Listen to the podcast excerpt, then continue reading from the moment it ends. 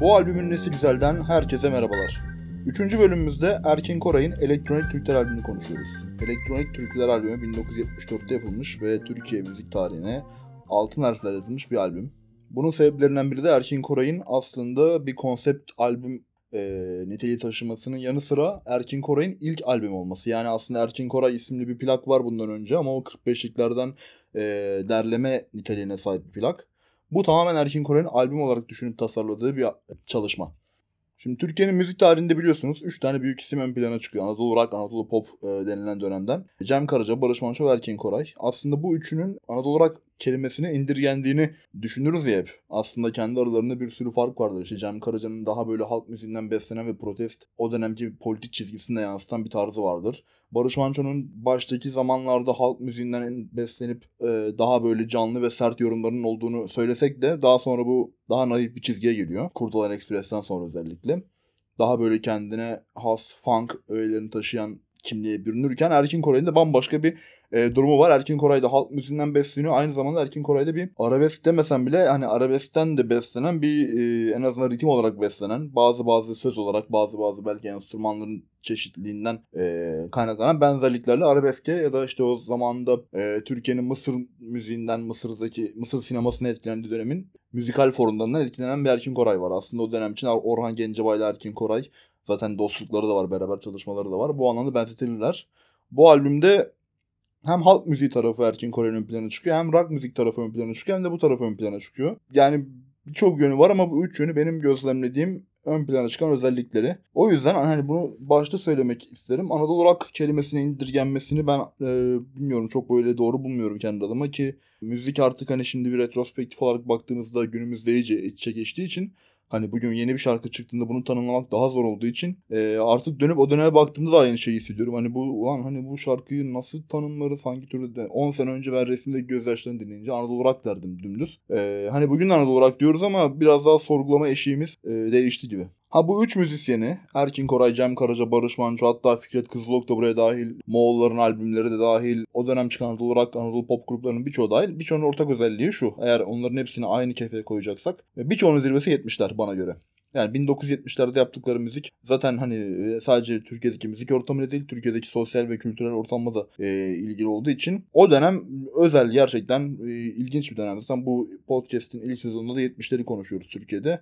Ve ben bu dönemde çıkan albümlerin birçoğunu çok severim. Çok da keyifle dinlerim hala. Birçoğunun da hala güncelliğini koruduğunu düşünüyorum. Hem içerik olarak hani söz olarak hem de müzik olarak. İşte o dönemde zaten hem dünyada hem de Türkiye'de artık hani dünyada da bence en güzel albümlerin yapıldığı yıllardan yani 10 yıl dönemlerden biri ama Türkiye'de de artık hani ona uyum sağlayan bir e, akım var. Hani bugünlerde böyle bir tek kelimeyle sentez ya da füzyon olarak tanımladığımız evrensel müzik türleriyle ülkelerin, memleketlerin kendi böyle kökeninden, toprağından gelen müzikleri birleştirdiği biraz daha böyle ön plana çıkardı. İşte jazz rock diye bir tür dünyada ortaya çıkıyor. Türkiye'de Anadolu rock diye bir tür ortaya çıkıyor. 40'lardan, 50'lerden, 60'lardan gelen müzik aslında rock müzikle bütünleşince hani hepsinden birer parça bu rock müzik çatısı altında toplanabiliyor. Rock müziğin aslında güzel tarafı da biraz bence bu. E bir de 70'lerde zaten hani Erkin Koray, Cem Karaca, Barış Manço dediğimiz insanlar 30'lu yaşlarında işte o 30'lu yaşlarda bilirsiniz birçok vokalin o prime denilen dönemidir. Yani bu dünyadaki e, önemli gruplarda da e, gözlemlediğimiz bir şeyken Türkiye Türkiye'de de var yani işte Cem Karaca'nın da Erkin Koray'ın da birçok Fikret Kızıloğlu'nda hani 30'lu yaşlar hem tecrübeli yaşlardır bir müzisyen için hem de genç yaşlardır. E, bu çok önemlidir. Her alanda böyledir. Yani futbolda da böyledir, müzikte de böyledir o tecrübelilik ve gençliğin dengesinin kurulduğu dönem genelde prime denilen dönem oluyor zaten. Ee, Erkin Koray'ın böyle bir dönemi bu albüm. Yani 45'liklerini çıkarmış, ilk 45'liklerden derleme albümünü yapmış Erkin Koray ismini ki onun kapağı da içeriği de çok güzeldir o albüm tavsiye ederim size. Bu da elektronik Türkler Erkin Koray'ın artık bir iddia ortaya koyduğu, Erkin Koray müziğini en azından 70'lerdeki Erkin Koray müziğini tanımladığı bir albüm. Elektronik Türkler adı üstünde böyle hani e, biraz şey gibi hissedilebilir. Hani bildiğimiz halk müziği eserlerinin hani böyle biraz daha teknolojiyle e, o dönemki işte imkanlarla e, yeni bir formda aktarılması, coverlanması gibi algılanabilir. Mesela ben o dönem yaşasam gitsem un kapanında ya da herhangi bir yerde e, bir çarşıda, pazarda o e, plakçıda elektronik albümünü görsem muhtemelen böyle bir şey düşünürüm ama böyle değil. İşin garibi zaten burada çıkıyor ortaya. Ee, yani gerçekten ilginç bir albüm. O anlamda biraz da ön plana çıkıyor. Yani mesela psychedelic rock, halk müziği ve işte elektronik Türkler albümü özelinde hafif yoğunlukta da olsa bir arabesk buluşuyor burada. Burada gerçekten bambaşka bir e, kimlik yaratıyor Erkin Koray. E, mesela o dönemde onun popüler olan şarkıları daha sonra işte Feyzpanallah, Şaşkın, Cümbür Cemaat, Ester Ebim gibi şarkılarda böyle daha böyle hani başı sonu belli bir müzik vardır ya hani o arabesk motiflerinin de yo- yoğun noktaya ulaştığı dönemdir o. Ama burada mesela bakıyorsun Yalnızlar Rıhtımı ve Cemal'ım haricinde herhangi bir şarkıda o yok. O çok önemli ki onunla ilgili bir yazıdan alıntı yapmıştım ona da geleceğim şimdi birazdan. Ki hani arabeskten esinlenmiş dediğim şarkılarda da Erkin Koray'ın mesela e, Erkin Koray'ın ya da hatta bence Orhan Gencebay'ın bile e, Orhan Gencebay'ı son yıllarda çok sevmesek de hani ben e, siyasi durumlardan dolayı müziğine çok böyle ilgili bir insan olarak o, o tarz müziği böyle arabesk olarak kodlamayı çok böyle iddialı buluyorum kendi adıma. Daha doğrusu e, haddimi bulmuyorum çünkü bence Arap müziğiyle hani Arap müziğinden beslenen, Arap tınılarından beslenen ama deneysel de tarafı olan bir müzik onların yaptığı. O yüzden değerli buluyorum açıkçası. Kendi adıma söyleyeyim bunu. Bir dinleyici olarak böyle algılıyorum. Ama bu malzeme bence iyi işlendiğinde ve yorumlandığında ortaya kaliteli işlerin çıkması mümkün. Çünkü arabesk müzik biraz daha böyle düzensiz, sürprizlere açık, biraz daha insanları böyle farklı duygulardan farklı duygulara çekebilecek müzik. Yani e, baktığınızda e, şey tarafı ön plandadır. Hani kaba tabirle damar tarafı ön plandadır ama bir yandan sürprize açık müziktir. Yani eğlenceli bir motifle de verebilir onu. E, o anda hani insan böyle altyapısı çok böyle hani söz olarak insanın içini kanatacak durumda olan e, şarkılarda, türkülerde kalkıp bir anda göbek atmaya başlayabilirsiniz. Öyle bir tarafı vardır. O müzik dinleyicisi için aslında eğlenceli bir taraftır. Bunu kabul etmek lazım. O nedenle o dönemde kurulan bu bağlantıyı ben açıkçası biraz böyle samimi buluyorum, eğlenceli buluyorum. Tabii ki eleştirilecek tarafları da olabilir ama bu örnekler üzerinde ben çok fazla bundan konuşmaktan yana değilim. Mesela birkaç parça var albümde. İşte Karlı Dağlar giriş şarkısı. Yani isminden de belli bir türkü diye dinlemeye başlıyorsun ama şarkının belli bölümlerinde ritim olarak işte arabeske doğru kaydığı kısımlar hatta cümbür cemaat vardır ya Erkin Koray ve Orhan Gencebay'ın. Onu çok andıran bir e, arada bir solo gibi bir yer var. İşte ikinci parça Sır aynı şekilde Hele Yar'ı dinleyince mesela Hele Yar'ı ben gördüğümde cover sandım. İşte Hele Yar diye bir türkü vardır bilenler bilir. Hele Yar Yar Yar diye gider böyle.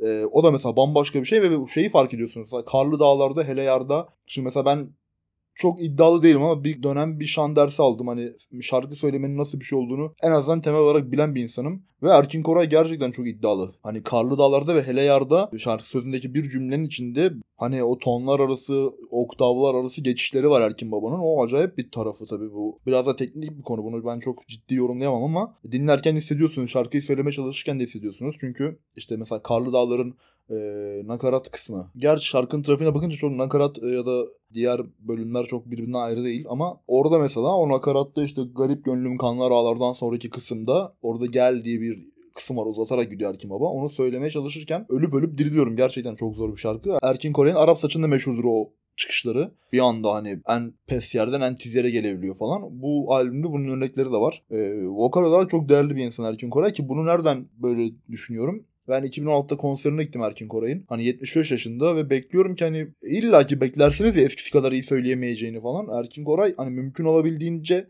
aynı performansı göstermeye çalıştı. Hani bu da böyle hani nasıl anlatsam e, sesini ya da e, performansını yitirdiğini düşünen müzisyenlerin birçoğunun yaptığı şey vardır. İşte şarkının tonlarıyla biraz böyle oynar. Daha böyle kolay yere çekmeye çalışır onu ama Erkin Koray hiç yapmıyordu onu. Bu anlamda demek ki yani 70'lerden beri taşıdığı bir iddiası var Erkin Koray'ın ki saygı duyulacak bir şey. Bunun peşinde böyle e, devamlı e, yürümesi. İşte vokal tarafı bir yana mesela Korkulu Rüya var albümde. Korkulu Rüya böyle bildiğimiz klasikleşmiş korku filmi soundtracklerinde e, aralarda böyle belli kesitler oluyor ya da korku ya da aksiyon ya da macera filmlerinde. Onları andıran bir girişi var. Yani elektronik türküler diye açtığınız albümde böyle bir şarkı var. Böyle parça var. E, sürprizlerle dolu. insanı heyecanlandıran bir albüm bu anlamda. İşte türkü diye bir parça var albümün kapanışı. Arada mesela bir şey var. Geçiş var bir solo gibi. E, Özay Gönlüm'ün elindedir bağlama türküsünü andırıyor. Ama aslında bunu andırdığını söylerken bile emin olamıyoruz. Çünkü hani geçen hafta 45'likler yazısında yazmıştım. Hani halk müziğinde bir şey vardır. Bazı türküler, bazı şarkılar, bazı sözler iç içe geçer. Halk müziğinde böyle bir sözlü kültürden beslenme olduğu için hani bazı müziklerin bestecisi ve bestecisi olmaz hatta derlemecisi olur. Onu derleyen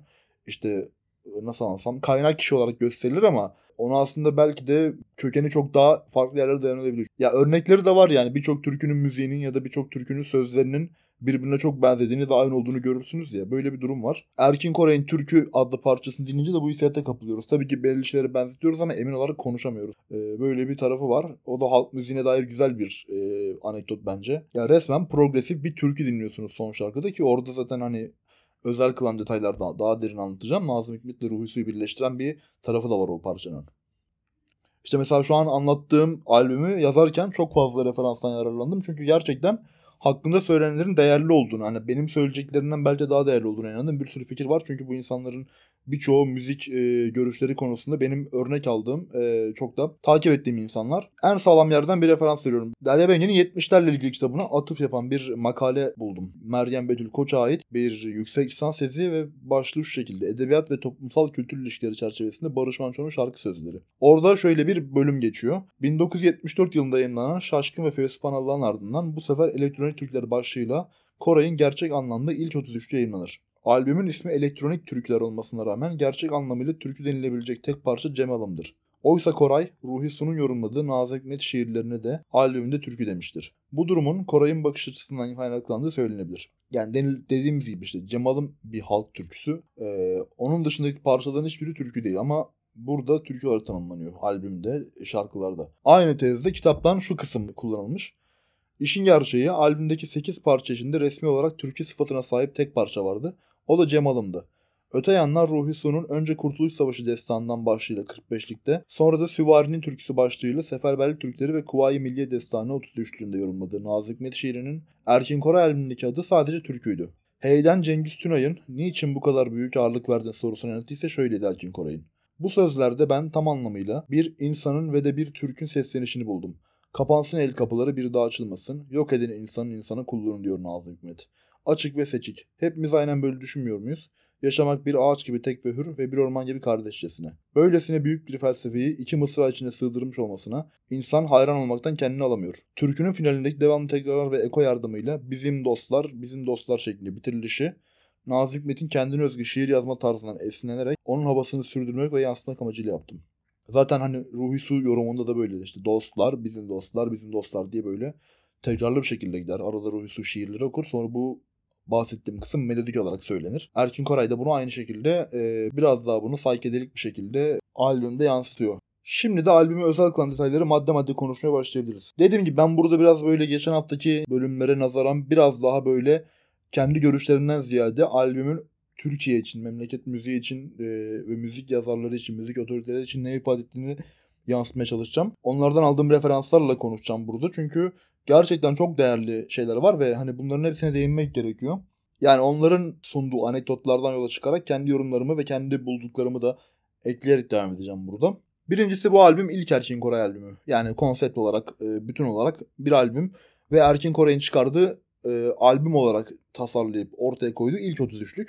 Yani dolayısıyla bu albüm tarihi bir anlama sahip. Çünkü Erkin Koray Türkiye'nin en önemli sanatçılarından biri bu da onun diskografisinin en önemli yapı taşlarından biri. Yani muhtemelen Erkin Koray'a göre elektronik türküler kavramı böyle bir şey olsa gerek ki albümde işte tarz olarak bambaşka bir bütünlükle karşılaşıyoruz. Çünkü e, hani baktığımızda işte Cemal'ımla Korkulu Rüya aynı albümde değil dersiniz ayrı ayrı dinleseniz ama bütün olarak dinlediğinizde çünkü zaten yani progresif bir albüm olduğu için bütün olarak dinlenmesi gerekiyor. E, orada mesela bambaşka bir anlatıya dönüşüyor bu albüm. Yani zaten öyle bir albüm çıkmış ki ortaya işte Erkin Koray'ı hani memleketimizdeki kıymetli o halk müziği sanatçılarından, halk ozanlarından, saz üstadlarından da dünyadaki o özellikle 60'lara 70'lere yön vermiş e, rock müzik sanatçılarını ayıramıyoruz bu açıdan.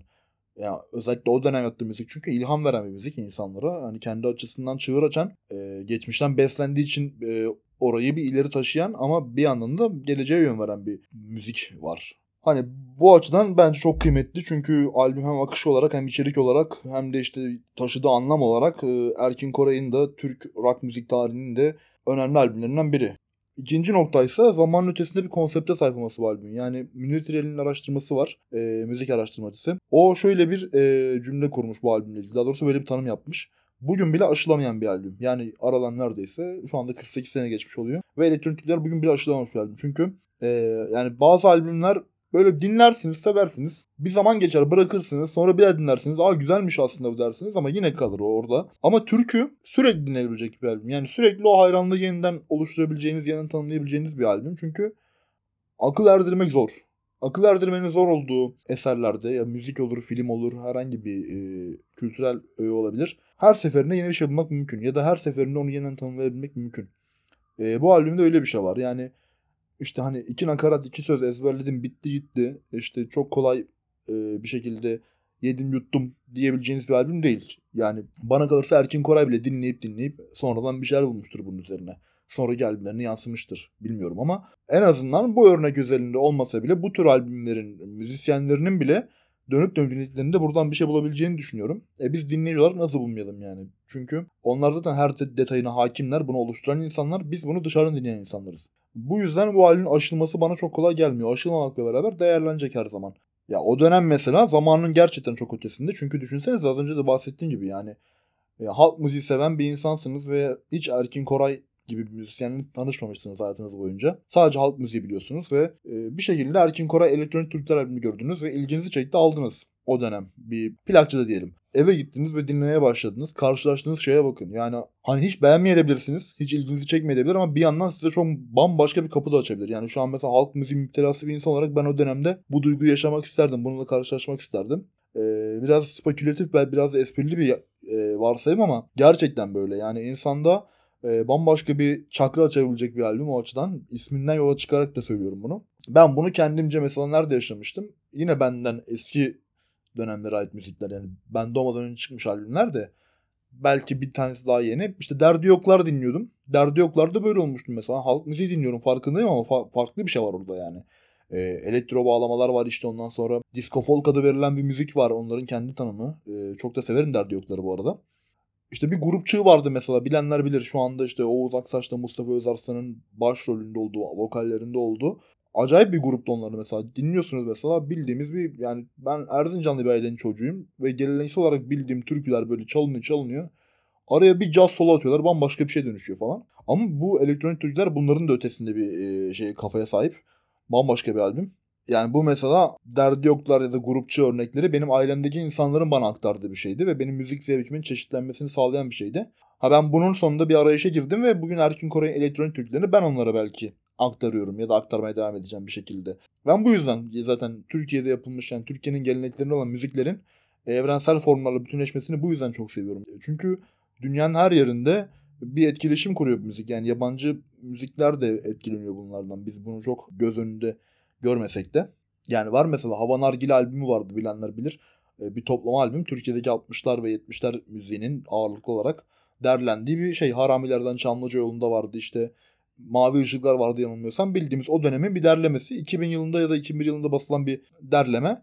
Aynı isimle mesela geçenlerde bir geçen yıllarda bir albüm çıkmış. Ben şu anda sanatçının ismini hatırlamıyorum yani çıkaran grubun ya da sanatçının ismini ama Hava Nargile albümü. Aynı font aşağı yukarı ve kapak da böyle bir e, bizden e, bir şeyler taşıyor yani Türkiye'yi andıran bir daha doğrusu Türkiye'yi ve Orta Doğu'yu andıran bir e, havası var.